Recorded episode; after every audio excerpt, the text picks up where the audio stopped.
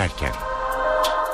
Mutlu akşamlar. NTV Radyo'da eve dönerken haberler başlıyor. Ben Meryem Özgün. Türkiye ve dünyadan günün önemli gelişmeleriyle sizlerle birlikte olacağız. Öne çıkan haberlerin özetiyle başlıyoruz.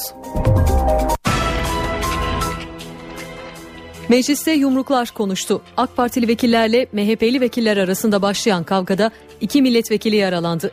Genel kuruldan son haberleri canlı yayında anlatacağız. Cumhurbaşkanı Abdullah Gül veda turlarına başladı. Gül bu akşam Meclis Başkanı ve Başbakanı ziyaret edecek. Cumhurbaşkanlığı seçiminde son düzlüğe girildi. Yurt dışındaki seçmenler için oy kullanma süresi sona erdi. Ancak katılım çok düşüktü. 2.7 milyon seçmenden sadece 232 bini oy kullandı. Adaylar yurt gezilerini sürdürüyor. Başbakan Yüksek Askeri Şura toplantısı nedeniyle propaganda çalışmalarına ara verdi. Rakipleri Ekmelettin İhsanoğlu Ankara'da, Selahattin Demirtaş ise Ağrı'da konuştu. Öne çıkan mesajlara az sonra bakacağız.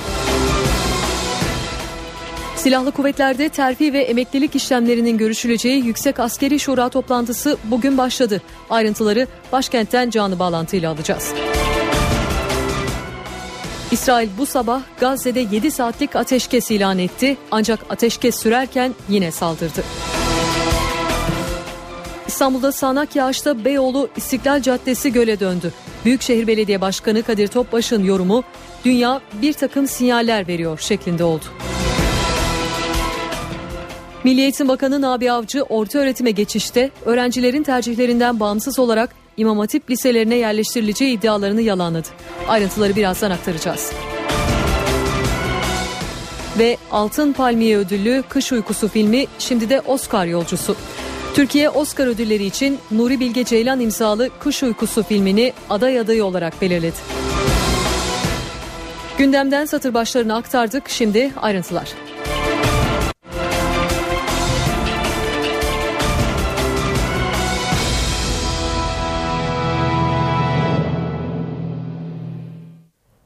Bayram tatili sonrası Türkiye Büyük Millet Meclisi'nde yapılan ilk oturum olaylı geçti. Torba yasanın görüşüldüğü genel kurulda tansiyon bir anda yükseldi. AK Parti milletvekilleriyle MHP'li vekiller arasında çıkan kavgada yumruklar sallandı, iki milletvekili yaralandı. Peki kavga neden çıktı, neler yaşandı? Şimdi meclise dönüyoruz. Ayrıntıları NTV muhabiri Özgür Akbaş aktarıyor. Türkiye Büyük Millet Meclisi 9 günlük bayram tatilinin ardından ilk genel kurulu oturumuna ne yazık ki iyi başlamadı. Son dönemde eşine pek rastlanmayacak bir kavganın yaşandığını söyleyebiliriz. Yaralanan milletvekilleri oldu. Gündemde Türkmenler ve IŞİD vardı. Bu konu üzerinde tartışmalar yaşanıyordu. Özellikle Milliyetçi Hareket Partisi'nin milletvekilleriyle AK Parti milletvekilleri arasında tartışmalar oldukça bir gerilime yol açtı.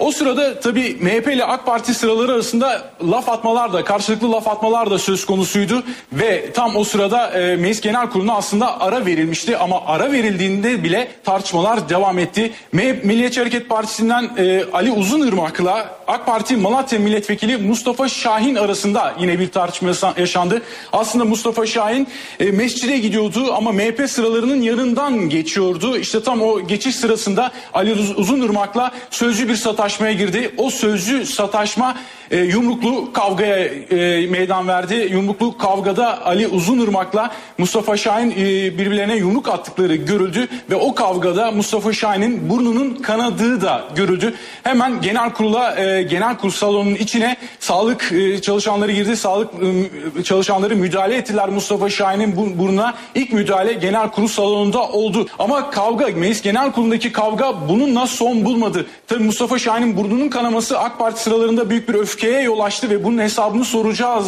gibilerinden cümleler de duyuldu genel kurul salonunda. Zaten bütün AK Parti grubu da MHP grubunun önündeydi. Tam o sırada Sinan Oğan, MHP milletvekili Sinan Oğan'la AK Partililer arasında tartışmalar yaşandı. Zaten e, konuşmalar sırasında da Sinan Oğan'la AK Partililer arasında oldukça sert tartışmalar yaşanıyordu. İşte meclis ara verdiğinde e, Mustafa Şahin'in burnunun kanamasının ardından çıkan tartışmada da Sinan Oğan'la AK Partilerin yumruklu kavgaya tutuştuğu görüldü meclis genel Kurulu'nda ve o sırada Sinan Oğan AK Parti'nin arasında kaldı ve oldukça fazla darbe aldığı da görüldü. Sinan Oğan o darbeler sonrasında alnında morarmaların da oluştuğu da e, görüldü o kavga sırasında. Tabii oldukça e, gerilimli bir e, andı. E, Meclis Genel Kurulu son dönemde yaşanmamış bir olaydı bu. Çok sert bir kavga yaşandı, yumruklu kavga ve bu kavgayı önlemek için e, meclisi yöneten Ayşenur Bahçekapılı bile e, genel kurul salonuna koşturdu ve bağırarak milletvekillerini engellemeye çalıştı. Grup başkan vekilleri milletvekillerini engellemeye çalıştı ama arbede e, son bulmak bilmedi e, yumruklaşmalar e, epey bir e, devam etti. Yaklaşık 5-10 dakika bir yumruklaşmanın yaşandığını söyleyebiliriz. Meclis Genel Kurulu'nda hem Sinan Oğan'a hem Mustafa Şahin'e müdahalelerde de edildi. Sağlık çalışanları tarafından Mustafa Şahin'in kanayan burnuna müdahale edildi. Sinan Oğan'ın da moraran alnına e, müdahale edildi. Çok fazla iki milletvekilinde darbe aldığını söyleyebiliriz. Cumhurbaşkanlığı seçimine bir hafta kala Cumhurbaşkanı Abdullah Gül de veda ziyaretlerine başladı. Gül'ün bugün ilk ziyaretleri Meclis Başkanı Cemil Çiçek ve Başbakan Recep Tayyip Erdoğan'a. Gül yarın yüksek yargı organlarının başkanlarını ziyaret edecek. Ardından akşam yemeğinde Yüksek Askeri Şura üyeleriyle son kez bir araya gelecek. Cumhurbaşkanı Gül çarşamba günü saat 12'de CHP lideri Kemal Kılıçdaroğlu'nu, perşembe günü de Genelkurmay Başkanı Orgeneral Necdet Özel'i ziyaret edecek. Cumhurbaşkanı 12 ve 19 Ağustos'ta ise Çankaya Köşkü'nde vereceği iki ayrı veda resepsiyonunda devlet erkanı ve sivil kesimle bir araya gelecek. Başbakan Tayyip Erdoğan Cumhurbaşkanlığı seçim kampanyasına Yüksek Askeri Şura toplantısı nedeniyle ara verdi. Rakipleri ise çalışmalarını sürdürüyor. Ekmelettin İhsanoğlu bugün başkent Ankara'nın ilçelerini dolaşıyor, seçmene vaatlerini açıklıyor, gündemdeki konuları değerlendiriyor. Türk milleti milliyetçiliği ayağının altına alan insanları istemiyor. Aziz kardeşlerim biz bu yolculuğa çıktık. Nasıl bir cumhurbaşkanı olması gerektiğini tartışırken bir de baktım İstiklal Marşı, Çanakkale şehitleri, şüheda fışkıracak şüheda beyti, Türkiye bir hafta bununla meşgul ediliyor. Demek ki bu edebiyat dersinden biz kurtulamayacağız. Türkiye'yi bunlarla meşgul ediyorlar. Çünkü onlar kendi gündemlerini saklıyor. Bunların gündemini rejimi değiştirmek. Rejimi değiştirmek. Gündemi dönüp diktatörlük kurmak istiyorlar.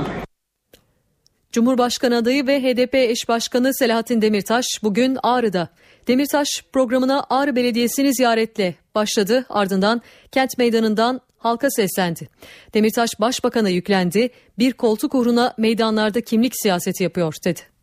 Barbarlık bu topraklarda geçerli hukuk olmayacak. Kardeşlik hukukunu üstün kılacağız. Bizler bunu yaparken işte Kürtlüğümüze dayanarak, Zazalığımıza dayanarak, Sünniliğimize, Aleviliğimize dayanarak yapmayacağız. İnsanlığımıza dayanarak yapacağız. Bir insan Kürttür diye iyidir diye bir şey yok. Ya da Kürttür kötüdür diye bir şey yok. Bir insan sadece etnik kimliği ve mezhebiyle yargılanıp infaz ediliyor, katlediliyorsa ya da siyasette linç ediliyorsa işte onu yapanlar faşizmin temsilcileridir. Irkçılığın temsilcileridir. Biz bunu kırıyoruz. Bu oyunları işte bozmak zorundayız değerli kardeşlerim. Bozamazsak başımıza felaketler getirecekler. Bizi bu yüzden meydanlarda Zaza Alevi diye yuhalatıyor. Sırf koltuk sevdası uğruna, sırf Çankaya uğruna bizim etnik kimliğimizi, mezhebimizi bu yüzden yuhalatıyor. Kusura bakmaz. Biz kendimizi inkar ederek bugünlere gelmedik. Öyle gömlek değiştirerek bizi yetiştiren hareketi, bizi yetiştiren partiyi inkar ederek gelmedik. Ama sen içinden çıktın, bütün partileri inkar ettin. Rahmetli Erbakan'ı da inkar ettin, Fethullah Gülen'i de inkar ettin. Hepsini inkar ede hepsini sata sata bugünlere geldik. Biz öyle olmayacağız. Neyse koyuz. Şanlıurfa Siverek ilçesinde 2000 seçmeni olan Kapıkaya Mahallesi Cumhurbaşkanlığı seçiminde sandık başına gitmeyecek. Gerekçe mahallenin sorunlarının çözülmemesi. Mahalle sakinleri su, elektrik, sağlık ocağı ve öğretmen problemleri çözülmezse gelecek yıl yapılacak genel seçimde de oy kullanmayacaklarını söylüyor. Cumhurbaşkanlığı seçimine bir hafta kala yurt dışındaki Türklerin seçimi bitti ve sandığa gidenlerin sayısının çok az olduğu ortaya çıktı. 2.7 milyon seçmenden sadece 232 bini oy kullandı. Başbakan Yardımcısı Emrullah İşler sayının düşük kalmasını randevu sistemine ve seçimin yaz dönemine denk gelmesine bağladı. Cumhurbaşkanı seçimi için yurt dışında oy kullanma süresi sona erdi. İlk kez yurt dışına sandık kurulmasına rağmen gurbetçilerin büyük bir bölümü sandık başına gitmedi. Yurt dışında kullanılan oy sayısı kesin rakamı söylüyorum 232 bin vatandaşımız yurt dışında oy kullandı. E, gümrük kapılarında da oy kullanma işlemi devam ediyor. Gümrük kapılarındaki sabah itibariyle rakamda 152 bine çıktı. Cumhurbaşkanlığı seçimi için 54 ülkedeki 103 temsilcilikte sandık kuruldu. Toplam 2 milyon 780 bin 757 gurbetçiden yalnızca 248 bini oy kullanmak için randevu aldı. Bu randevu sisteminin katı bir şekilde uygulanması maalesef e, yurt dışındaki katılımı azalttı. Bir de yurt dışında katılımın e, az olmasında elbette ki seçimlerin yaz dönemine gelmesi etkili oldu. Yurt dışında kapanan sandıklar 7 merkezde oluşturulan özel odalarda koruma altına alındı. Sandıklar 4 ayrı kilidi olan odalarda korunuyor. Anahtarlar AK Parti, CHP, MHP ve HDP temsilcilerinde bulunuyor. YSK oy torbalarını kiraladığı uçaklarla Türkiye'ye getirecek. Başbakan Recep Tayyip Erdoğan'ın Cumhurbaşkanlığı seçim kampanyasına ara verdiğini söyledik. Zira bugün Ankara'da Yüksek Askeri Şura toplantısına başkanlık ediyordu. Üç gün sürecek toplantıda aralarında Ergenekon sanıklarının da bulunduğu 500'ün üstünde subayın terfi ve emeklilik durumları görüşülecek. Bu yıl komuta kademesinde bir değişiklik beklenmiyor. Ayrıntıları NTV muhabiri Özden Erkuş'tan alacağız. Özden. Yüksek Askeri Şura Türk Silahlı Kuvvetleri'nde terfi ve atamalar için bir araya geldi. Yaş mesaisi öncesi Şura üyeleri Anıtkabir'deydi. Başbakan Erdoğan ve Şura üyeleri sabah saatlerinde Atatürk'ün mozolesi önünde saygı duruşunda bulundular. Ardından da bir ilk yaşandı. Başbakan Erdoğan Yüksek Askeri Şura'ya katılan komutanlarla ilk kez hatıra fotoğrafı çektirdi. Anıtkabir'in merdivenlerinde daha sonra da Başbakan Erdoğan Anıtkabir özel defterini imzaladı. Başbakan karargahı ise Genelkurmay Başkanı Orgeneral Necdet Özer'le birlikte geçti. Toplantının sabahki bölümü 3 saat sürdü. Verilen yemek arasında Başbakan merkez binaya geçti. Komutanlarsa karargahta kaldı. Bu yıl Şura'da ilk kez rütbe bekleme süresini tamamlamasına bir yıl kalan albay ve generallerin dosyaları da değerlendiriliyor. Böylece bu yıl terfi, atama ve emeklilik heyecanı yaşayacak albay ve general sayısının 500'e yaklaştığı belirtiliyor. Şura ilk gün mesaisinde kor generallikten or generallik rütbesine terfi ettirilecek isimler üzerinde çalıştı. Kara kuvvetlerinden 10, hava kuvvetlerinden de 4 olmak üzere toplam 14 kor generalden or generalliğe terfi ettirilecek isimler belirlendi. Genelkurmay Başkanı ve kuvvet komutanlarının birer yıllık daha görev süreleri var. Bu nedenle komuta kademesinde bu yüksek askeri şuranın ardından sürpriz bir değişiklik beklenmiyor. Askeri kulislerde ise 4 yıllık rütbe süresini dolduran Jandarma Genel Komutanı Orgeneral Servet Yörük'ün görev süresinin bir yıl daha uzatılabileceği konuşuluyor. Yüksek Askeri Şura bu yıl balyoz mesaisi de yapacak yeniden yargılama kararının ardından tahliye edilen 12 general ve amiralden 11'inin durumu da şurada masada olacak. Bu isimlerin görev sürelerinin yeniden yargılama süreci sonuçlanana kadar uzatılması en büyük olasılık. Çalışmalarına çarşamba gününe kadar devam edecek Yüksek Askeri Şura ve az önce Başbakan Erdoğan da karargahtan ayrılarak Başbakanlık Merkez binaya geldi. Ancak komutanların yani karargahtaki diğer isimlerin halen şura çalışmalarına devam ettiği bilgisini aktaralım. Yüksek Askeri Şura çalışmalarına yarın saat 10'da bir kez daha başlayacak ve çarşamba günde şurada alınan kritik kararlar Cumhurbaşkanı Abdullah Gül'ün olayının ardından kamuoyuyla paylaşılacak. Balyoz sanıklarının ardından İstanbul'daki askeri casusluk davasında haklarında hapis cezası verilen askerlerin aileleri de Anayasa Mahkemesi'nin önünde adalet nöbeti başlattı. Aileler ve hükümlü avukatları Anayasa Mahkemesi'nden tahliye kararı çıkmasını bekliyor. Eşim halen Mamak askeri cezaevinde ve tek başına tutsaktır. Eşim ve dava kapsamında yargılanan diğer sanıklar adalet dağıtmayan ve meşruiyetini yitirmiş olan özel maksatla görevlendirilmiş ve görevini tamamladıktan sonra kapatılan mahkemelerde değil, Türkiye Cumhuriyeti'nin tarafsız yetkiye sahip gerçek mahkemelerinde yargılanmış olsalardı şüphesiz bunlar başlarına gelmezdi. Tutuklu asker yakınları ve avukatlar bir kez daha adalet nöbetinde. İstanbul'daki askeri casusluk davası kapsamında tutuklanan 43 subayın aileleri ve avukatları Anayasa Mahkemesi'nin önünde nöbete başladı. Aileler ve avukatlar yüksek mahkemenin bir an önce tahliye kararı vermesini istiyor. tarafsız, gerçek hakimlerimizin bir an önce ben ve diğer silah arkadaşlarımın yaşadığı hukuksuzlukları görerek suçsuzluğumuzu tescil edip bizi özgürlüğümüze ve ailelerimize kavuşturmasıdır. Anayasa Mahkemesi kendi önündeki emsal kararlarıyla Eylül'e kadar beklemesine gerek yok. Bıçak kemiğe dayanmış durumdaki aileler buradalar. Anayasa Mahkemesi'ne cisimlerini göstererek hukuk güneşi olarak Türkiye'de tek umut, son umut haline gelen Anayasa Mahkemesi'ne bir mesaj veriyorlar. Ailelerin adalet nöbeti 27 Ağustos'a kadar devam edecek. Kısa bir ara verelim ardından eve dönerken haberler kaldığı yerden devam edecek. Eve dönerken devam ediyor.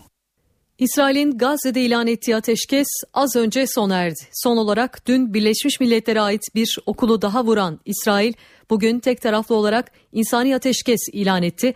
Ancak 7 saatlik ateşkesin bitmesini beklemeden yine saldırılarını sürdürdü. İsrail ordusu ateşkes süresinde Gazze'nin batısındaki bir mülteci kampına hedef aldı. Bir kişi öldü. Aralarında çocukların da olduğu 30 Filistinli yaralandı. İsrail'in 8 Temmuz'dan bu yana süren operasyonlarında hayatını kaybeden Filistinlilerin sayısı 1821'e yükseldi.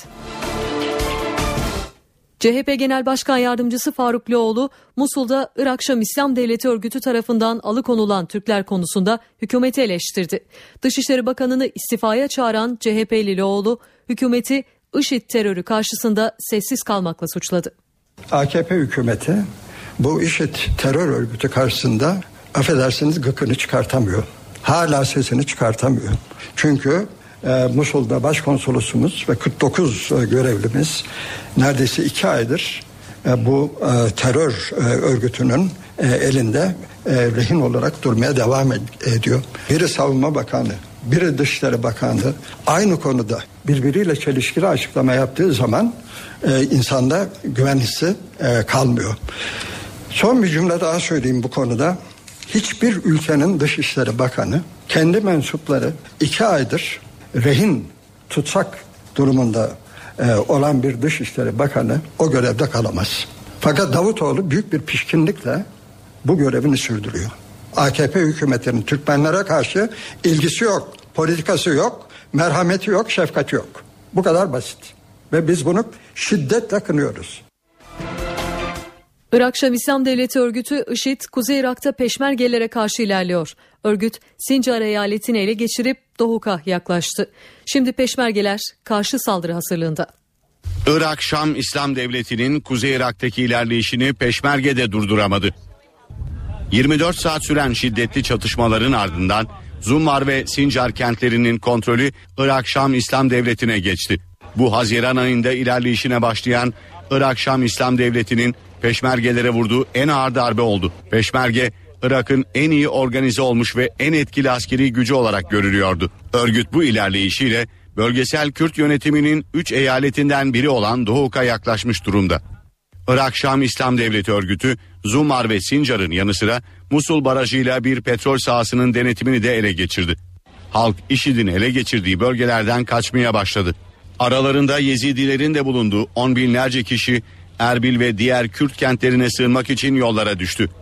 Irak Şam İslam Devleti'nin denetimi altına alabileceği diğer bölgelere ilerlediğine işaret ediliyor. Örgütün amacının denetimi altına aldığı bölgelerdeki kontrolünü sağlamlaştırarak daha fazla petrol sahasını ele geçirmek olduğu belirtiliyor. NTV Radyo Milli Eğitim Bakanı Nabi Avcı temel eğitimden orta öğretime geçişte öğrencilerin tercih etmedikleri halde İmam Hatip liselerine yerleştirileceği iddialar üzerine konuştu. Bakan Avcı velileri uyardı. Hangi öğrencinin hangi tercihler doğrultusunda hangi okullara gideceğini en iyi velilerimiz biliyor. Hiç kimsenin arzu etmediği bir okula zorla yönlendirilmesi katiyen söz konusu olmaz, olmamıştır.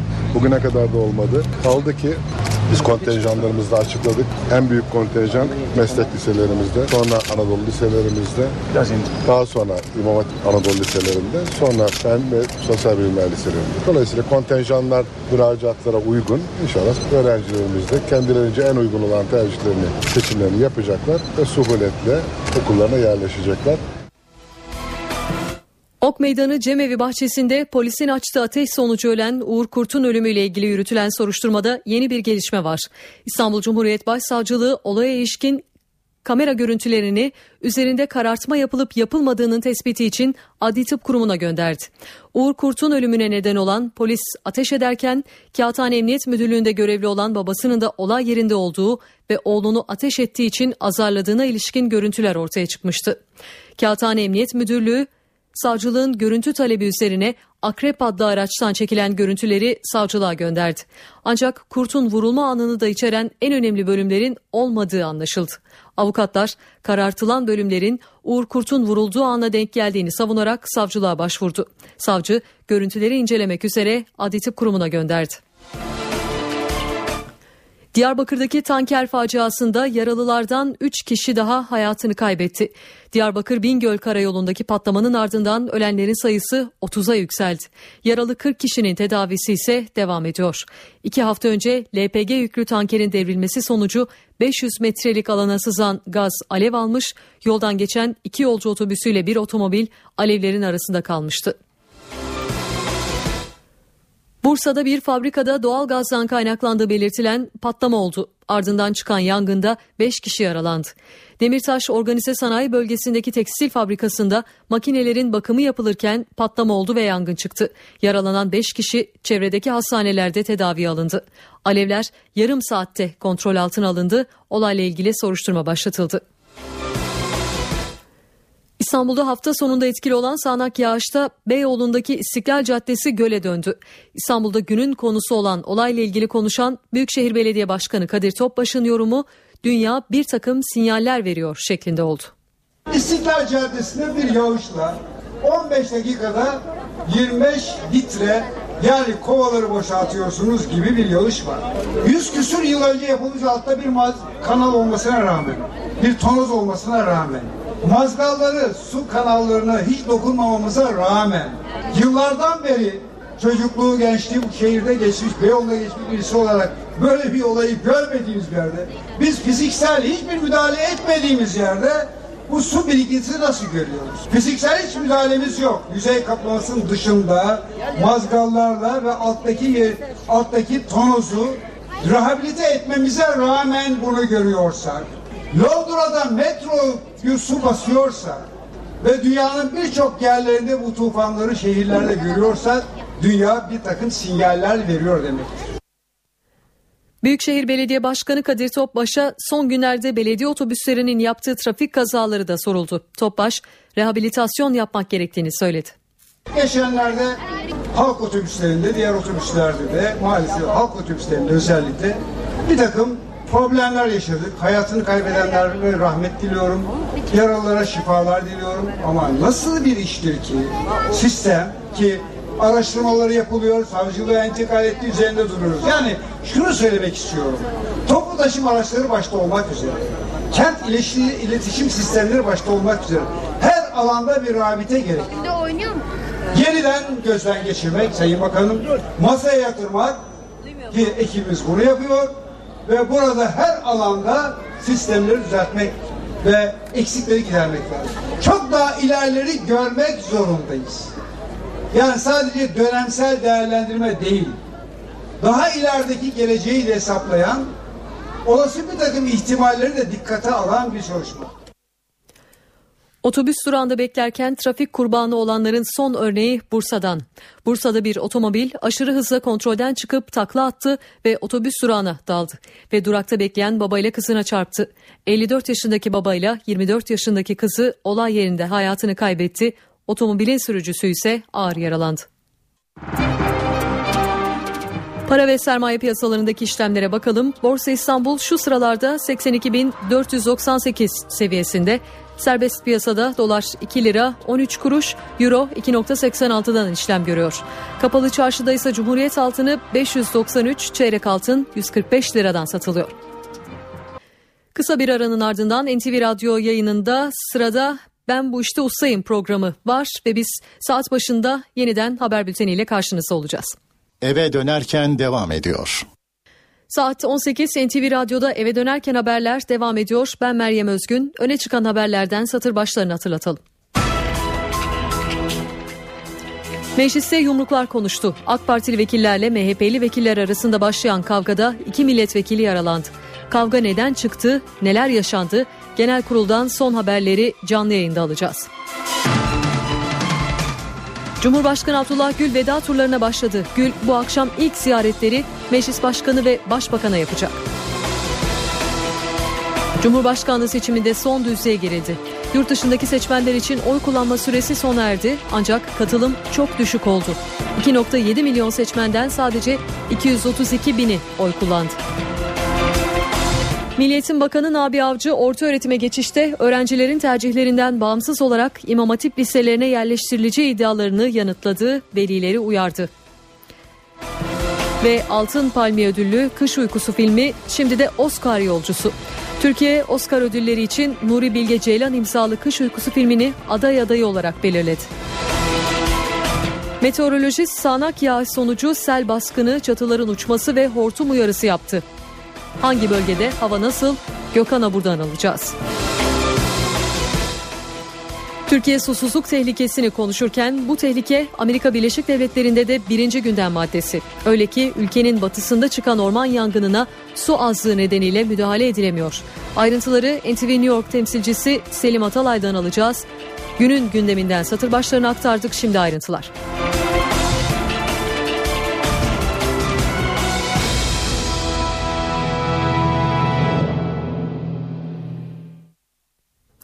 Cumhurbaşkanı Abdullah Gül görev süresinin bitmesine 24 gün kala veda ziyaretlerine başladı. İlk durağı Meclis Başkanı Cemil Çiçek oldu. Gül önümüzdeki dakikalarda Başbakan Erdoğan'a veda ziyaretinde bulunmak için Başbakanlık binasına geçecek. Ayrıntıları NTV muhabiri Murat Barış Koralp'ten alacağız. Murat. Tam 7 yıl önce Başbakan Erdoğan AK Parti grup toplantısında Cumhurbaşkanı adayımız Abdullah Gül kardeşimiz demiş ve yapılan seçimlerde 4. turda Cumhurbaşkanı seçilmişti Abdullah Gül. Tam 7 yıl geçti o günden bu yana Çankaya Köşkü'ndeki görev süresinin bitimine 24 gün kola Cumhurbaşkanı Abdullah Gül veda ziyaretlerine başladı. İlk ziyareti meclise meclis başkanı Cemil Çiçek'e yaptı Abdullah Gül. Halen o görüşme devam ediyor. İkinci durakta ise Başbakanlık Merkez Bina'da ise bir bekleyiş devam ediyor. Cumhurbaşkanı Abdullah Gül Başbakan Recep Tayyip Erdoğan'a veda ziyareti gerçekleştirecek.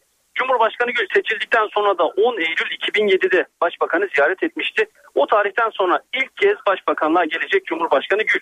Yarın yüksek yargı organlarının başkanlarını ziyaret edecek veda ziyaretleri kapsamında ardından akşam yemeğinde de yüksek askeri şura üyeleriyle son kez bir araya gelecek Cumhurbaşkanı Gül. Çarşamba günü saat 12'de ise yine bir ilk CHP lideri Kemal Kılıçdaroğlu'nu CHP Genel Merkezi'nde ziyaret edecek Cumhurbaşkanı.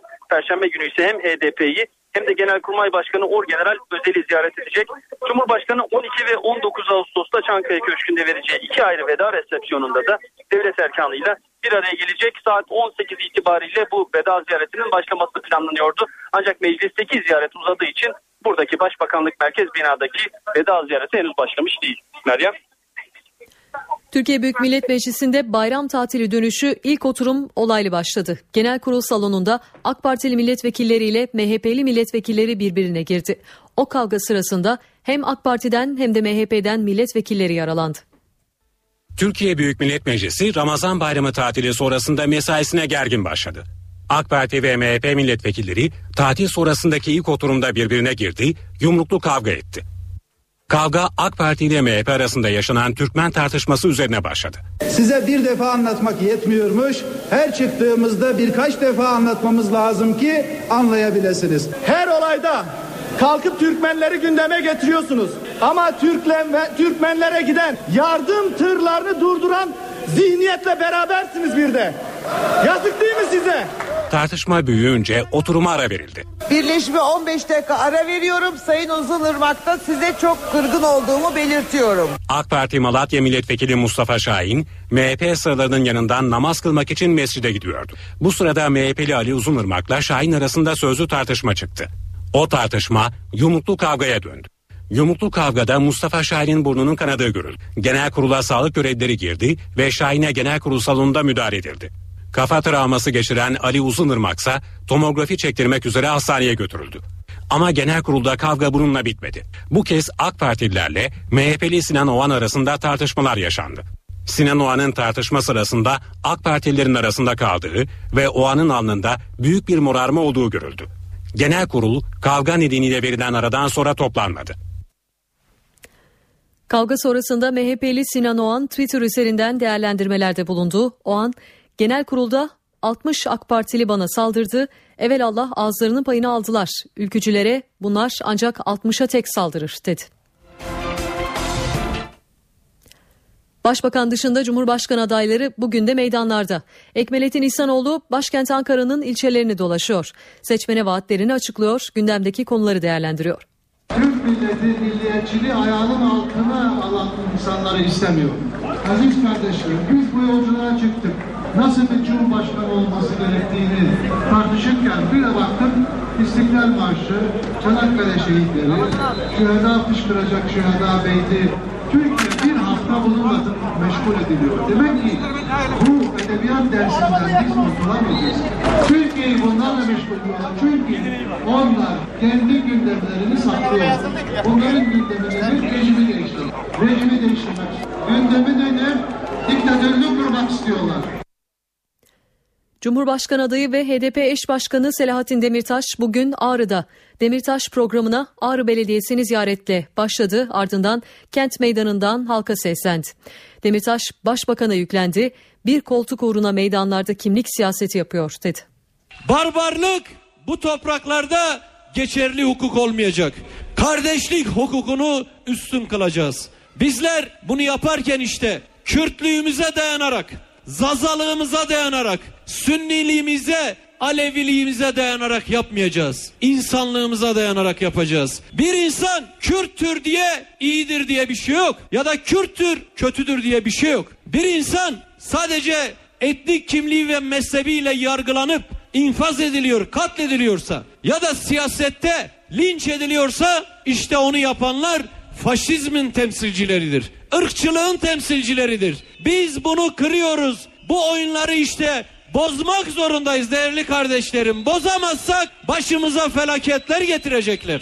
Bizi bu yüzden meydanlarda Zaza Alevi diye yuhalatıyor. Sırf koltuk sevdası uğruna, sırf Çankaya uğruna bizim etnik kimliğimizi, mezhebimizi bu yüzden yuhalatıyor.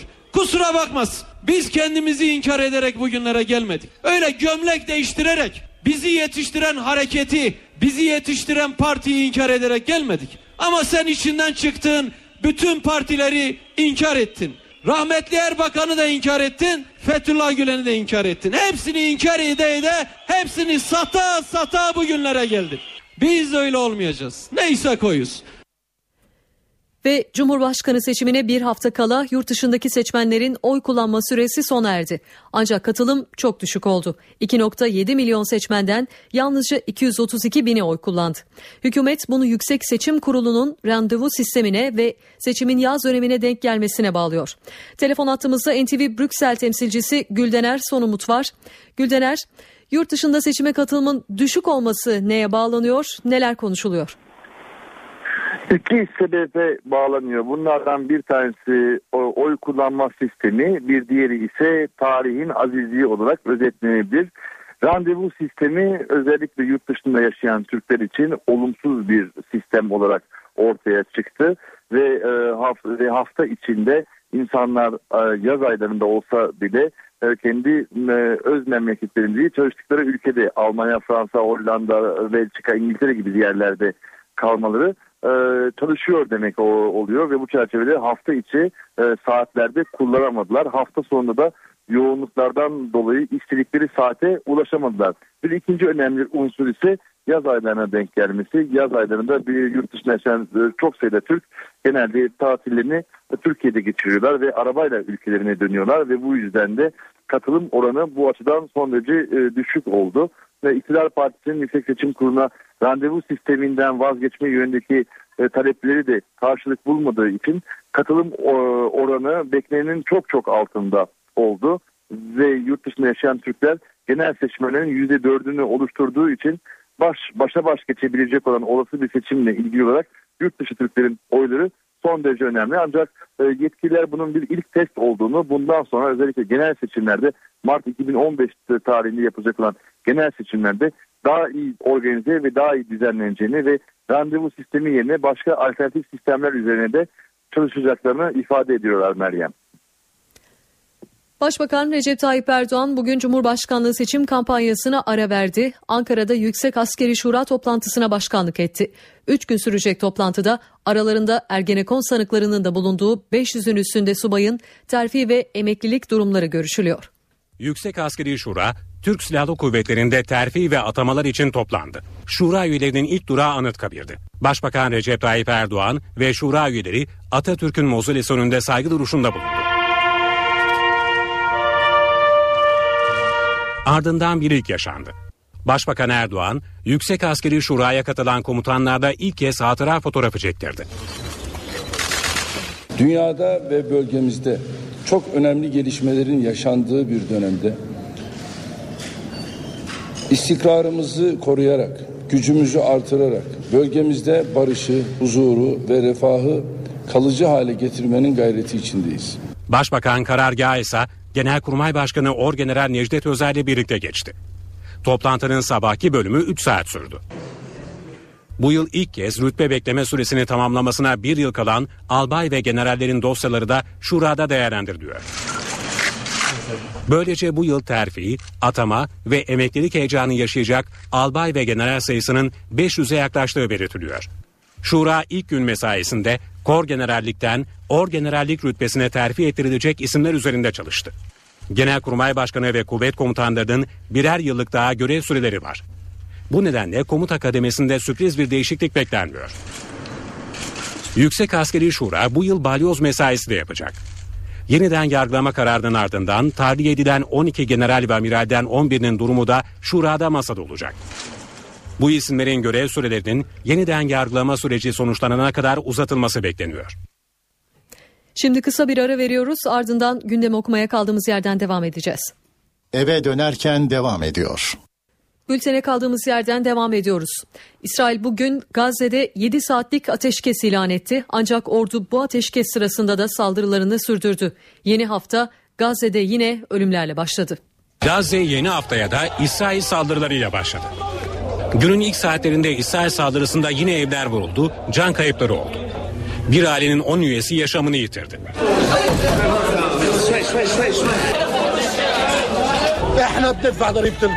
Kudüs'e ulaşmak için ödediğimiz bedel bu. Gençliğimiz öldü. Bu bizim yolumuz. Ölenlerin en büyüğü 21 yaşındaydı.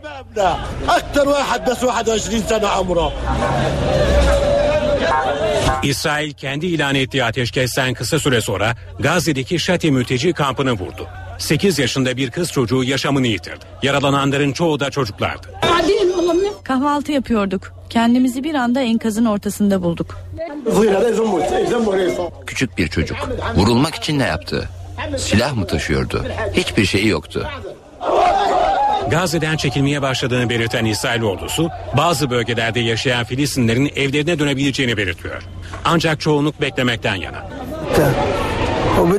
İsrailliler Beyt Lahiye ve Atatrah bölgelerinde oturanların evlerine dönebileceğini belirtti. Fakat düşmana güvenmiyoruz. Sivilleri vuruyorlar. Bazı noktalarda evlerine dönenleri vurdular. Evlerimize ancak iki taraf ateşkes ilan ederse döneriz. Gazze'de 8 Temmuz'da başlayan İsrail saldırılarından bu yana 500 binden fazla Filistinli evlerini terk etmek zorunda kaldı. Tünelleri yok etmeye çok yaklaştıklarını belirten İsrail ordusu askeri operasyonlarını Gazze'nin güneyinde Refah çevresinde yoğunlaştıracağını belirtiyor. Irak Şam İslam Devleti örgütü IŞİD, Kuzey Irak'ta peşmergelere karşı ilerliyor. Örgüt Sincar eyaletini ele geçirip Doğuk'a yaklaştı. Şimdi peşmergeler karşı saldırı hazırlığında. Irak Şam İslam Devleti'nin Kuzey Irak'taki ilerleyişini peşmergede durduramadı. 24 saat süren şiddetli çatışmaların ardından Zumar ve Sincar kentlerinin kontrolü Irak Şam İslam Devleti'ne geçti. Bu Haziran ayında ilerleyişine başlayan Irak Şam İslam Devleti'nin peşmergelere vurduğu en ağır darbe oldu. Peşmerge Irak'ın en iyi organize olmuş ve en etkili askeri gücü olarak görülüyordu. Örgüt bu ilerleyişiyle bölgesel Kürt yönetiminin 3 eyaletinden biri olan Doğuk'a yaklaşmış durumda. Irak Şam İslam Devleti örgütü Zumar ve Sincar'ın yanı sıra Musul barajıyla bir petrol sahasının denetimini de ele geçirdi. Halk IŞİD'in ele geçirdiği bölgelerden kaçmaya başladı. Aralarında Yezidilerin de bulunduğu on binlerce kişi Erbil ve diğer Kürt kentlerine sığınmak için yollara düştü. Irak Şam İslam Devleti'nin denetimi altına alabileceği diğer bölgelere ilerlediğine işaret ediliyor. Örgütün amacının denetimi altına aldığı bölgelerdeki kontrolünü sağlamlaştırarak daha fazla petrol sahasını ele geçirmek olduğu belirtiliyor. IŞİD'in ilerleyişi konusunda PKK'dan da bir açıklama geldi. Örgüt tüm Kürtleri IŞİD'le mücadele etmeye çağırdı. NTV Radyo İspanya'dan bir avukat Enerji Bakanı Taner Yıldız'a mektup gönderip ölen bir akrabasından 15.7 milyon euro miras kaldığını söyledi. Ancak bakanlık avukatları konuyu araştırınca işin altından dolandırıcılık çıktı. İspanya'dan avukat olduğunu söyleyen bir şahıs 15,5 milyon euroluk bir e, mirası üçte birini soy ismi Yıldız olmam hasebiyle bana vermek istediğini bir yazıyla belirtmiş. Enerji ve Tabi Kaynaklar Bakanı Taner Yıldız kendisine yönelik dolandırıcı tuzağını bu sözlerle açıkladı. Ben şunu net olarak biliyorum. Benim ne İspanya'da ne de Türkiye'de böyle bir miras bırakabilecek herhangi bir akrabam bulunmamaktadır. O yüzden içimde de farklı bir heyecan hissetmedim. Taner Yıldız'a Haziran ayında İspanya'dan bir mektup geldi. Mektubun sahibi avukat olduğunu ileri süren Pedro Torre Romero'ydu. Mektupta soyadlarının aynı olduğu Medina Yıldız adlı bir kişinin hayatını kaybettiğini ve bu kişinin bankadaki 15.7 milyon euroluk miras parasını alabileceklerini bildirdi. Mektupta da şöyle bir şey yazıyor. Bunu etik buluyor olmanız halinde diye de böyle bir diplomatik cümle kullanılmış. Yazı aslında üslubuna baktığınızda son derece şey e, yani ciddi bir yazı görünümünde ama arkadaşlarımız onun e, ne kadar e, gayri ciddi bir yazı olduğunu ortaya çıkarttılar. Bakanlık hukukçuları derhal harekete geçti. İspanyol yetkililerle görüşüldü ve mektubun sahibi Pedro Torre Romero'nun avukat değil dolandırıcı olduğu ortaya çıktı. Bizlerin yetişme tarzı, geleneklerimiz, göreneklerimiz, öğretilerimiz e, hak etmediğimiz hiçbir paraya uzanmamamızı söylüyor. Bu tür yapılan tekliflere zaten tevessül etmeyeceğini, buna aldırış etmeyeceğini hep beraber biliriz. Milli Eğitim Bakanı Nabi Avcı temel eğitimden orta öğretime geçişte öğrencilerin tercih etmedikleri halde İmam Hatip liselerine yerleştirileceği iddiaları üzerine konuştu. Bakan Avcı velileri uyardı. Hangi öğrencinin hangi tercihler doğrultusunda hangi okullara gideceğini en iyi velilerimiz biliyor. Hiç kimsenin arzu etmediği bir okula zorla yönlendirilmesi katiyen söz konusu olmaz, olmamıştır. Bugüne kadar da olmadı. Kaldı ki biz kontenjanlarımızda açıkladık. En büyük kontenjan meslek liselerimizde, sonra Anadolu liselerimizde, daha sonra İmam Hatip Anadolu liselerinde, sonra fen ve sosyal bilimler liselerinde. Dolayısıyla kontenjanlar müracaatlara uygun. İnşallah öğrencilerimiz kendilerince en uygun olan tercihlerini, seçimlerini yapacaklar ve suhuletle okullarına yerleşecekler. Ok Meydanı Cemevi bahçesinde polisin açtığı ateş sonucu ölen Uğur Kurt'un ölümüyle ilgili yürütülen soruşturmada yeni bir gelişme var. İstanbul Cumhuriyet Başsavcılığı olaya ilişkin kamera görüntülerini üzerinde karartma yapılıp yapılmadığının tespiti için Adli Tıp Kurumu'na gönderdi. Uğur Kurt'un ölümüne neden olan polis ateş ederken Kağıthane Emniyet Müdürlüğü'nde görevli olan babasının da olay yerinde olduğu ve oğlunu ateş ettiği için azarladığına ilişkin görüntüler ortaya çıkmıştı. Kağıthane Emniyet Müdürlüğü savcılığın görüntü talebi üzerine Akrep adlı araçtan çekilen görüntüleri savcılığa gönderdi. Ancak kurtun vurulma anını da içeren en önemli bölümlerin olmadığı anlaşıldı. Avukatlar karartılan bölümlerin Uğur Kurt'un vurulduğu ana denk geldiğini savunarak savcılığa başvurdu. Savcı görüntüleri incelenmek üzere Adli Tıp Kurumu'na gönderdi. Diyarbakır'daki tanker faciasında yaralılardan 3 kişi daha hayatını kaybetti. Diyarbakır Bingöl Karayolu'ndaki patlamanın ardından ölenlerin sayısı 30'a yükseldi. Yaralı 40 kişinin tedavisi ise devam ediyor. İki hafta önce LPG yüklü tankerin devrilmesi sonucu 500 metrelik alana sızan gaz alev almış, yoldan geçen iki yolcu otobüsüyle bir otomobil alevlerin arasında kalmıştı. İstanbul'da hafta sonunda etkili olan sağanak yağışta Beyoğlu'ndaki İstiklal Caddesi göle döndü. İstanbul'da günün konusu olan olayla ilgili konuşan Büyükşehir Belediye Başkanı Kadir Topbaş'ın yorumu dünya bir takım sinyaller veriyor şeklinde oldu. İstiklal Caddesi'nde bir yağışla 15 dakikada 25 litre Yani kovaları boşaltıyorsunuz gibi bir yarış var. Yüz küsür yıl önce yapılmış altta bir kanal olmasına rağmen, bir tonoz olmasına rağmen, mazgalları, su kanallarına hiç dokunmamamıza rağmen, yıllardan beri çocukluğu, gençliği bu şehirde geçmiş, Beyoğlu'nda geçmiş birisi olarak böyle bir olayı görmediğimiz yerde, biz fiziksel hiçbir müdahale etmediğimiz yerde bu su birikintisi nasıl görüyoruz? Fiziksel hiç müdahalemiz yok. Yüzey kaplamasının dışında mazgallarla ve alttaki alttaki tonozu rehabilite etmemize rağmen bunu görüyorsak, Londra'da metro su basıyorsa ve dünyanın birçok yerlerinde bu tufanları şehirlerde görüyorsak dünya bir takım sinyaller veriyor demektir. Büyükşehir Belediye Başkanı Kadir Topbaş'a son günlerde belediye otobüslerinin yaptığı trafik kazaları da soruldu. Topbaş, rehabilitasyon yapmak gerektiğini söyledi. Geçenlerde halk otobüslerinde, diğer otobüslerde de maalesef halk otobüslerinde özellikle bir takım problemler yaşadık. Hayatını kaybedenlere rahmet diliyorum. Yaralılara şifalar diliyorum. Ama nasıl bir iştir ki sistem ki araştırmaları yapılıyor, savcılığa intikal ettiği üzerinde duruyoruz. Yani şunu söylemek istiyorum.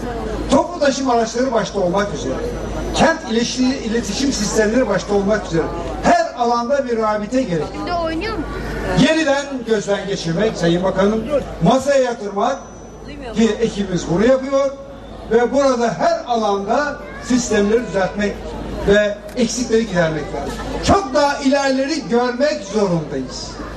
Yani sadece dönemsel değerlendirme değil, daha ilerideki geleceği de hesaplayan, olası bir takım ihtimalleri de dikkate alan bir çalışma. Kabataş'ta cuma günü gerçekleşen otobüs kazasında yaralanan iki kişinin durumu ciddi. Yaralı Kübra Dere'nin bacağını kaybetme riski halen sürüyor.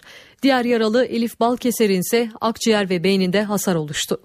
Kabataş'taki otobüs kazasında taksinin altında kalan ve ağır yaralanan 19 yaşındaki Kübra Dere yoğun bakımdan çıkarıldı. Genç kızın son durumunu annesi Emine Dere anlattı. Şüpheli yani tutacak mı tutmayacak mı 5 beş, buçuk 6 saat ameliyatta kaldı. Gencecik daha. Hayalleri vardı benim çocuğumun da. Anne Emine Dere kazanın sorumlularına tepki gösterdi. İstanbul'da evden sabahla çıkınca geri gelince bir büyük bir mucize buna mucize diyoruz yani. Hiç mi bir yere çıkmasın gençler? Gençler hiç mi gezmesin? Hadi bugün gezmeye gidiyordu, adalara gezmeye gidiyordu bu iş başına geldi Kaldırım'da. E yarın okula gidecek, işe gidecek. Gitmesin mi? Kahvaltı yapmaya gittiği Kabataş'ta aynı kazada ağır yaralanan 47 yaşındaki Elif Balkeser'in de durumu ciddiyetini koruyor. Beyin travması geçiren Balkeser iki kez ameliyat edildi. Balkeser'in durumuyla ilgili açıklama yapan doktoru Deniz Şirinoğlu, akciğerde ve beyinde hasar olduğunu ancak durumunun giderek daha iyiye gittiğini söyledi. Sağlık Bakanlığı çocuklarda obeziteye karşı savaş açtı. Bakanlık her dört çocuktan birinin obez olması üzerine kola, cips, şeker gibi obeziteye neden olan yiyecek ve içecekler için reklam yasağı getirmeyi planlıyor. Çocuk programlarında sağlığa zararlı gıdaların reklamına yasak geliyor. Çocuklarda obezitenin önlenmesine yönelik yeni hazırlıkları Sağlık Bakanı Mehmet Müezzinoğlu anlattı. Son 20 yılda fast food gelişti. Çocukların gözüne gözüne reklamlar yapıldı. Şimdi Rütük'le görüşüyoruz. Çocuk programlarında sağlığa zararlı kola, cips, şekerleme gibi gıdaların reklamlarını yasaklayacağız. Bunun için gerekirse ayrıca yasal düzenleme yapacağız. Sosyal sorumluluk projelerinde sağlıklı beslenme projeleri yapmalarını sağlayacağız. Sağlık Bakanlığı verilerine göre Türkiye'de her 4 çocuktan biri obez. Bakanlık bu durumun önüne geçmek için harekete geçti. Önce obeziteye yol açan gıdalara çocuk programlarında reklam yasağı gelecek. Kolalı içecek, cips, şeker gibi gıdaların reklamları çocuk programlarında yayınlanamayacak. İkinci adımsa beslenme algısını değiştirmek olacak. Sağlık Bakanlığı bu kapsamda 1 milyon broşür bastıracak. Broşürlerde çocuklara nasıl beslenmeleri gerektiği anlatılacak. Zayıflattığı iddiasıyla piyasada satılan bitki çayları için kanser uyarısı yapıldı. Ankara Üniversitesi'nden Profesör Coşkun Usta, zayıflama çaylarındaki bazı maddelerin insan sağlığına büyük zararı olduğunu açıkladı. Çok tehlikeli olabilecek, zararlı olabilecek maddeler içeriyorlar. Zayıflatmak amacıyla içerisine kattıkları ya da içerisinde bulundurdukları moleküller yüzünden. Uzmanlar uyarıyor. Piyasada zayıflama çayı adı altında satılan ürünlere dikkat edilmesi isteniyor. Çayların çoğunun içeriğinde eskiden sindirim bozukluğu tedavisinde kullanılan fenifuleten maddesi var. Kansere neden olan bu madde yasaklanmasına rağmen hala zayıflama çaylarında kullanılıyor. Bir bakıyoruz ki bunların içerisinde bu kanserojen olabilen madde e, var ve bu çok rahatlıkla bilinçli ve bilinçsiz bir şekilde toplum tarafından kullanılıyor. Bir kere tansiyonunuz yükselebiliyor. Kanserojen, kansere yatkınlığınız varsa, herhangi bir kanser hücreniz varsa bunu tetikleyebilir. E, veya e, ritim bozuklukları dediğimiz kalbin e, ritmindeki bozukluklara neden olabilir. Uzmanlar zayıflamak için özellikle kulaktan dolma bilgilerle yapılan şeylerin ciddi sağlık problemlerine neden olacağına dikkat çekiyor. Mucize şeklinde bekleniyor. Yani e, ben ne yaparsam yapayım, hayat şartımı değiştirmeyeyim, yine yiyeyim, içeyim ya da daha az yiyeyim ya da kontrol yiyeyim ama bana da bir şey verilsin, bir şey de kullanayım. Ben de zayıflayayım e, daha e, estetik duruma geçeyim gibi insanların ağzına bakıyorlar. Şimdi böyle bir piyasa var. Böyle olunca da her gün yeni bir ürün çıkıyor. Meteorolojiden bu akşam için sağanak yağış nedeniyle sel, heyelan, yıldırım düşmesi, hortum uyarıları yapıldı. Peki hangi bölgelerde yağış bekleniyor? Uyarılar hangi bölgeler için? NTV Meteoroloji Editörü Gökhan Abur'u dinliyoruz. İyi akşamlar. Kararsız hava koşullarının oluşturduğu sağanaklar yurt genelindeki etkisini hafta boyu aralıklarla da olsa sürdürecek. Yağışla birlikte Batı Karadeniz, Marmara ve Kuzey Ege'de azalan sıcaklıklar ise Marmara'dan başlayarak yeniden yükseliyor. Yarın Trakya, Ege, Batı Akdeniz'de yağış yok. Doğu Karadeniz ve Güneydoğu'da daha kuvvetli olmak üzere yurdun diğer kesimlerinde ise yerel sağanaklar devam edecek. Yağışlar Doğu Karadeniz, Doğu Anadolu, Akdeniz ve Marmara'da aralıklarla da olsa çarşamba günü etkisini sürdürecek. Marmara'nın güney ve doğusu, İç Ege, İç Anadolu'nun batısı, Akdeniz, Doğu Karadeniz ve Doğu Anadolu yağışların Perşembe günü aralıklarla devam etmesini bekliyoruz. İstanbul'da yarınla nem oranı oldukça yüksek. Hava bunaltıcı ve sıcaklık 28 derece olacak. Ankara'da bir gün daha ani sağanaklar bekliyoruz. Sıcaklık ise 29 derece. İzmir az bulutlu. Sıcaklık 33 dereceye kadar çıkacak ama rüzgar yarın da biraz serinlik vermeye devam edecek. Hepinize iyi akşamlar diliyorum. Hoşçakalın. NTV Radyo Enflasyon Temmuz'da beklentinin üstünde çıktı. Zam şampiyonu sivri biber oldu. Sivri biberi limon takip etti. Türkiye İstatistik Kurumu Temmuz ayı enflasyon rakamlarını açıkladı. Temmuz'da tüketici fiyat endeksi %0,45, yurt içi üretici fiyat endeksi %0,73 arttı. Yıllık enflasyon tüketici fiyatlarında %9,32, yurt içi üretici fiyatlarında %9,46 oldu. Enflasyon bu şekilde son 4 aydır %9'un üzerinde seyretti. CNBC anketine katılan 17 ekonomist Temmuz'da ortalama %0,13 tüfe, yıl sonunda ise %8,28 tüfe bekliyordu. Temmuz'da zam şampiyonu fiyatı %30,94 artış gösteren sivri biber oldu. Alkollü ürünler tütün altın hariç H enflasyonu aylık %0,42 yıllık %10,39 olurken gıda, alkollü alkolsüz içecekler altın hariç I enflasyonu aylık %0,29 yıllık %9,75 olarak gerçekleşti. Aylık en yüksek artış %2,97 ile eğlence ve kültür grubunda Yıllık en fazla artış ise %13,47 ile lokanta ve oteller grubunda oldu. Hakkari Doğu Anadolu'nun ihracat şampiyonu oldu. Türkiye İhracatçılar Meclisi'nin verilerine göre Doğu Anadolu'da geçen ay toplam 112 milyon dolarlık ihracat yapıldı. Meskan Dağı'ndan çıkarılan kurşun ve çinkoyu ihraç eden Hakkari 56 milyon dolarla bölgede en fazla ihracat yapan il oldu. Hakkari'yi Malatya ve Iğdır takip ediyor. Gelir dağılımı bozukluğu gelişen ülkelerde son 20 yılda %11 arttı. Son araştırmaya göre gelişmekte olan ülkelerde her 5 kişiden biri günde sadece 2,5 lirayla geçinmeye çalışıyor. Dünyadaki gelir dağılımı bozukluğu artmaya devam ediyor. Gelir adaletsizliğinin en hızlı arttığı grupsa gelişmekte olan ülkeler sınıfı. Dünya Ekonomik Forumu'na göre gelir dağılımı bozukluğu gelişen ülkelerde son 20 yılda %11 oranında arttı. Amerikalı CNBC televizyonunun araştırması da son derece çarpıcı. Araştırmaya göre gelişmekte olan ülkelerde her 5 kişiden biri günde sadece 1,25 dolar yani 2,5 lirayla geçirmeye çalışıyor. Dünya nüfusunun önemli bir bölümü tüm gün bu para için çalışırken araştırma bu parayla dünyada ne yenilebileceğini de ortaya koyuyor. Buna göre 2,5 lirayla Kanada'da sadece 2 adet çikolatalı kurabiye, İngiltere'de ise bir kutu hazır çorba alınabiliyor. Çin'de bu parayla bir tabak erişte tüketilebilirken Gana'da ise bir porsiyon pirinç pilavı ve tavuk eti yiyebilmek mümkün. Araştırma 1,25 dolara Türkiye'de yenilebilecek en uygun yemeği simit ve yanına çay olarak belirtiyor. Birleşmiş Milletler Kalkınma Programı'nın insani gelişme raporuna göre Türkiye nüfusu 2030 yılında 86 milyonu geçecek. Ülkedeki kadın milletvekili oranı %14, internet kullanım oranı %45, okuryazarlık oranı %94, istihdam oranı ise %48 olacak. Rapordaki veriler Türkiye'deki kişi başına düşen milli gelirin son 30 yılda %112 arttığını da ortaya koydu. Türkiye İnsani Gelişme Endeksinde 187 ülke arasında 69. sırada yer aldı.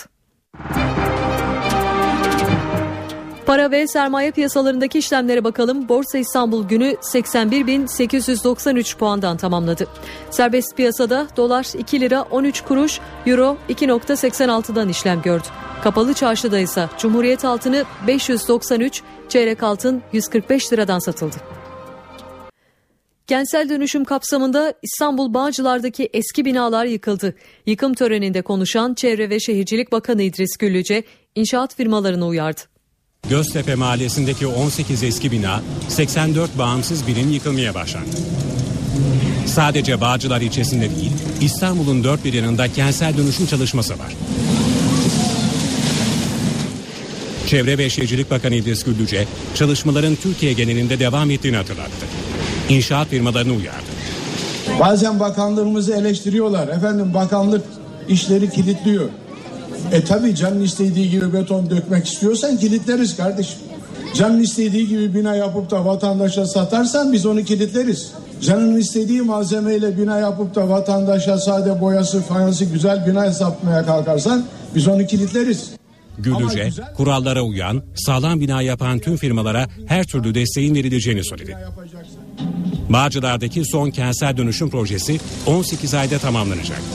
Mülk sahipleri burada yapılacak binalardan daire alacak. Proje kapsamında yıkılan binaların olduğu arazinin %65'i de yeşil alana bırakıldı. Tatil için ülke dışına çıkan Ruslar mahsur kaldılar. Rusya'da faaliyet gösteren bir tur şirketinin iflasını açıklaması farklı ülkelere tatile giden çok sayıda Rus'u mağdur etti. Onlardan bir kısmı da Türkiye'de. Dönüş bileti almaya parası yetmeyen 44 Rus turist 3 gündür Antalya Havalimanı'nda yardım bekliyor. Tur şirketi iflas etti. Dönüş yolundaki 44 Rus Antalya Havalimanı'nda mahsur kaldı. Rusya'da 3 ay önce açılan tur acentesi iflasını açıkladı. Şirket aracılığıyla 15 gün önce Antalya'ya tatile gelen çok sayıda turist iflas haberini dönüş hazırlığı yaparken öğrendi. Havalimanına giden turistler dönüş biletlerinin alınmadığını öğrendi. Bilet alamayan 3'ü çocuk 44 turist 3 gündür havalimanında yatıp kalkıyor. Bazı arkadaşlarımız kendi ceplerinden bilet alarak gitti. Ancak bizim bilet alacak paramız yok. Burada aç ve susuz bekliyoruz. Yiyecek alacak paraları bile olmadığını söyleyen Rus turistler Rus hükümetinden yardım istiyor. Rus konsolosluğunu aradık ancak hiçbir görevli gelmedi. Sadece telefonda bize yardımcı olacaklarını ve burada beklememizi söylediler. Tur firmasının mağdur ettiği turistler sadece Türkiye'de değil, Yunanistan ve Tunus'ta da yaklaşık 25 bin kişi şirketin iflası nedeniyle dönüş yolunda sıkıntı yaşıyor. Bu konuda yeni bir gelişmeyi aktaralım. Konsolosluk yetkililerinin devreye girmesiyle iflas eden turla Türkiye'ye gelen 44 kişiden 17'si ülkelerine döndü. Batı Afrika ülkeleri Ebola salgınıyla boğuşuyor. Liberya'da hastalığın yayılmasını engellemek için önlemler artırılıyor. Ebola'dan ölenler, ölenleri gömecek yer bulunamaması en büyük sorunlardan biri. Halk bulaşır korkusuyla Ebola'dan ölenlerin kasabalarına gömülmesini istemiyor. Cenazelerin yakılması gündemde. Amerika Birleşik Devletleri ise salgınla mücadele için Batı Afrika'ya 50 uzman gönderiyor.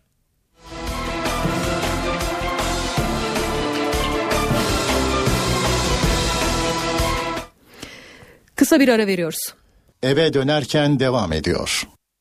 Yeni bir gelişmeyle devam ediyoruz. Hakimler Savcılar Yüksek Kurulu'ndan bir açıklama geldi. Ayrıntılar NTV Ankara İstihbarat Şefi Ahmet Ergen'de. Hakimler ve Savcılar Yüksek Kurulu Başkan Vekili Ahmet Hamsici'nin açıklamaları e, aslında kamuoyunda son dönemde oluşan yargıyla ilgili birçok e, kesimde oluşan e, ve açıklamalara dönüşen e, algıyla ilgili 5 e, sayfalık uzunca bir açıklama ve bu açıklamanın en başında Ahmet Hamsici şöyle bir ifade kullanılıyor. kullanıyor. Son zamanlarda yargının siyasi sahik ve e, gayelerle yönlendirmelere açık bir görüntü vermesi, yargıyı kontrol altına alma arayışları ile istediği kararları çıkarma adına ideolojik bir araç olarak kullanma, e, kullanma niyet ve gayretleri toplumda yargıya olan güvenin iyice azalmasına neden olmuştur diyor ve Hakimler ve Savcılar Yüksek Kurulu'nun da bu eleştirilerden nasibini aldığını belirtiyor.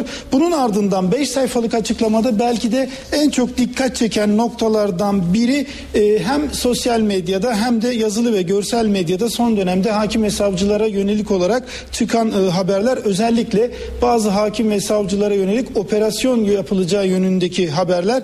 E, hakim ve Savcılar Yüksek Kurulu Başkan Vekili e, Ahmet Hamsici bu haberlerle ilgili olarak hakim ve savcılar korkutulmaya bu yolla yargının baskı altına alınmaya çalışıldığı görülmektedir e, yorumuyla değerlendirmesiyle karşılık veriyor ve açıklamanın son bölümünde hem anayasada hem de ilgili yasalarda hakim ve savcıların kişisel ve görevinden kaynaklanan e, suçlarının nasıl soruşturulacağı ve kovuşturulacağı hiçbir şüphe ve tereddüde yer vermeyecek şekilde açıkça düzenlenmiştir diyor e, Ahmet Hamsici ve buna göre bir hakim ve savcı hakkında disiplin ve ceza soruşturması başlatılabilmesi için Hakimler ve Savcılar Yüksek Kurulu'nun ilgili dairesinden izin alınmasının şart olduğu e, vurgulanıyor ve bu düzenlemeler ortadayken ilgili kanunlarda öngörülen usuller işletilmeden yargı mensuplarını e, ve e, yine bir takım e, yargı mensuplarıyla e, onun emrindeki adli adli kolluk kuvvetleriyle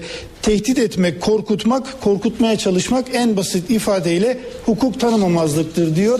E, bugün Adalet Bakanı Bekir Bozdağ bazı hakim ve savcıların soruşturulmasıyla ilgili 3. dairenin özellikle blokaj uyguladığına yönelik e, açıklamalar yapmıştı. Ancak söylediğimiz gibi Ahmet Hamsici'nin açıklaması e, kamuoyunun diğer e, taraflarından da gelen e, yargıya ilişkin, yargı mensuplarına ilişkin açıklamalara ya da yapılan haberlere bir yanıt niteliğinde. Çin'in güneybatısında 6.1'lik deprem büyük yıkıma yol açtı. 12 bin ev yıkıldı, can kaybı 400'e yaklaştı. Binlerce yaralı var. Çin'in Yunan eyaletinde meydana gelen depremde yıkım büyük oldu. Merkez üssü eyaletin dağlık bölgesindeki Long Towsan kasabası olan depremde 12 bin ev yıkıldı, 30 bin ev de zarar gördü. Yüzlerce kişi yaşamını yitirdi, binlercesi de yaralandı. Ancak yıkımın büyüklüğü nedeniyle ölü sayısının artmasından endişe ediliyor. 30 bin kişi bölgeden tahliye edildi. Askerlerin de destek verdiği kurtarma ekipleri enkaz altındakilere ulaşmak için zamana karşı yarış veriyor. 在进行的一些期待能够听到更好的消息。Enkaz altından kurtarılanlar hastanelere sevk ediliyor. Ancak bölgede yer yer etkili olan yağmur ve depremin neden olduğu toprak kaymalarının kapadığı yollar çalışmaları yavaşlatıyor. Deprem nedeniyle bölgede elektrik kesik, iletişim hatları da çalışamaz durumda. Çin yönetimi bölgeye çadırlar, kışlık giysiler gönderdi. Birçok yardım malzemesinin de yolda olduğu belirtiliyor. Yeni bir depremden çekinen bölge halkı ise geceyi dışarıda geçirdi.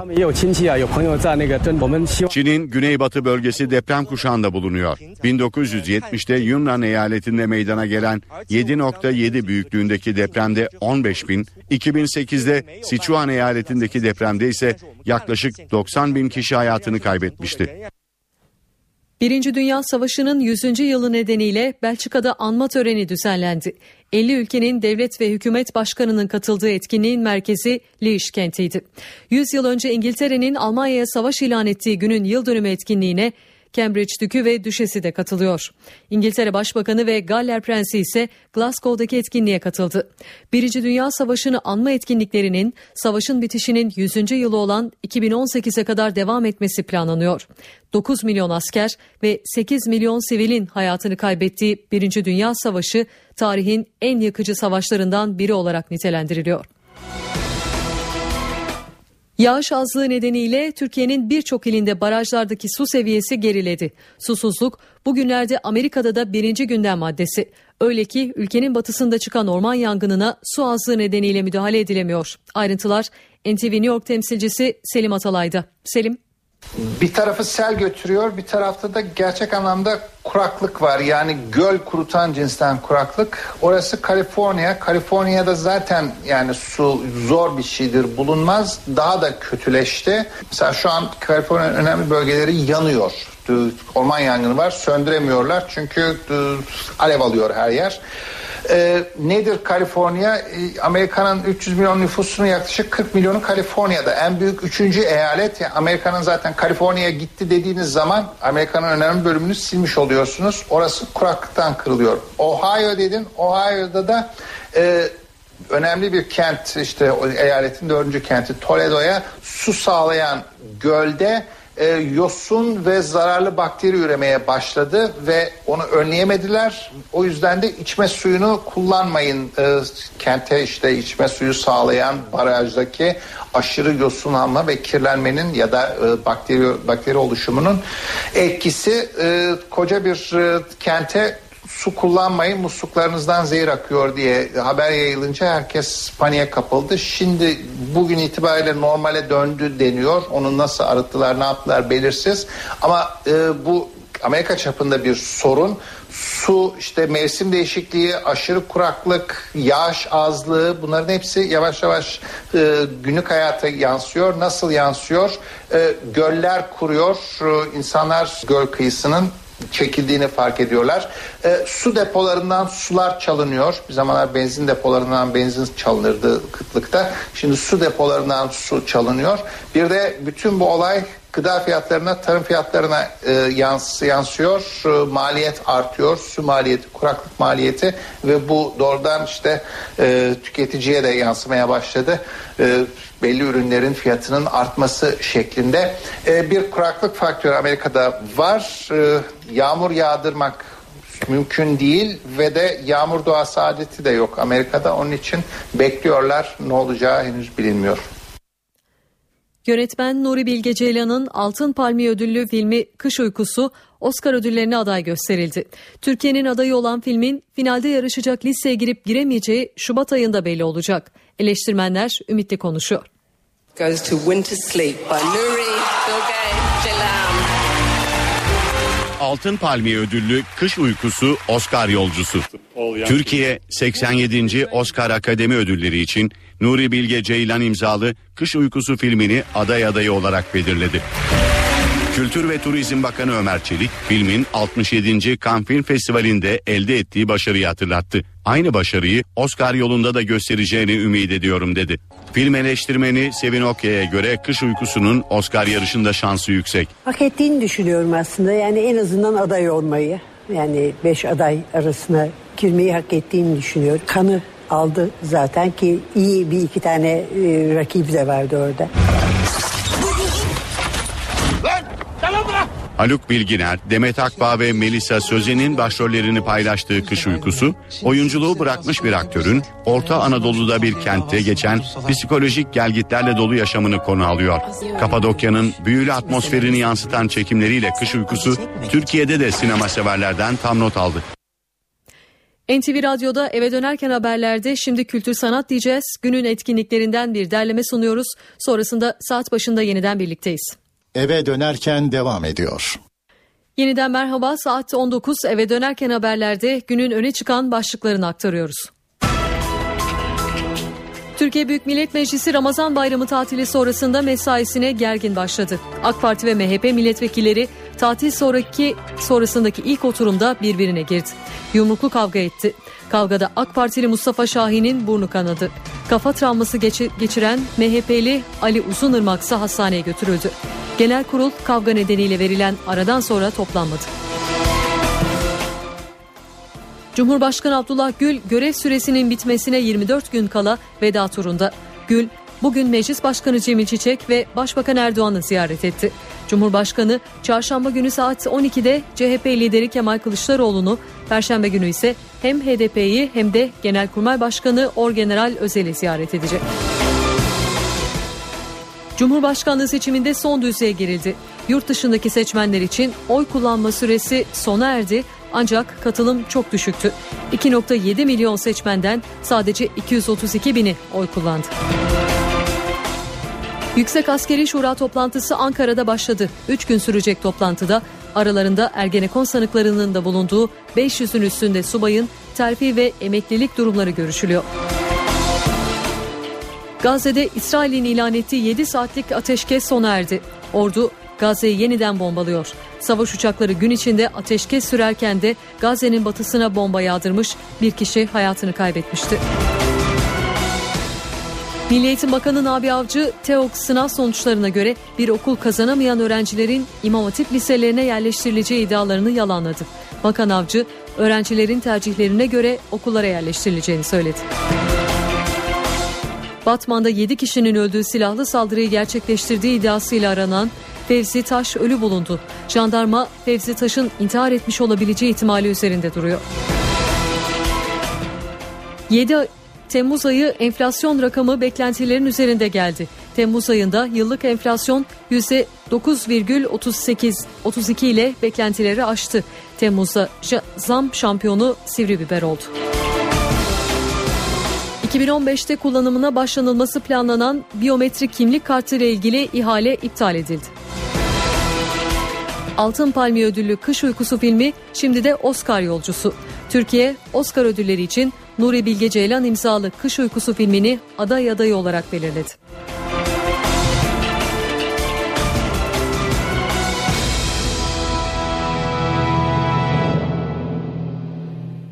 An itibariyle İstanbul trafiğindeki son durumu aktaralım. Köprüler için Avrupa'dan Anadolu yönüne Boğaziçi Köprüsü'nde yoğunluk Çağlayan, Hürriyet Tepesi, Mecidiyeköy, Zincirlikuyu ve köprü çıkışına kadar devam ediyor.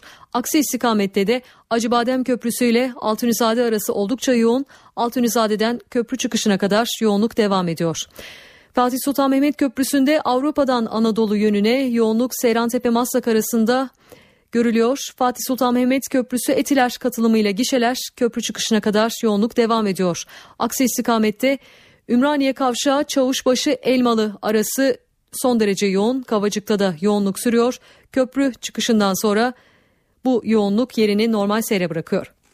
Eve dönerken haberleri noktalıyoruz. NTV Radyo'da kısa bir aranın ardından Çift Forvet programı başlayacak. Mutlu akşamlar diliyorum. Hoşçakalın.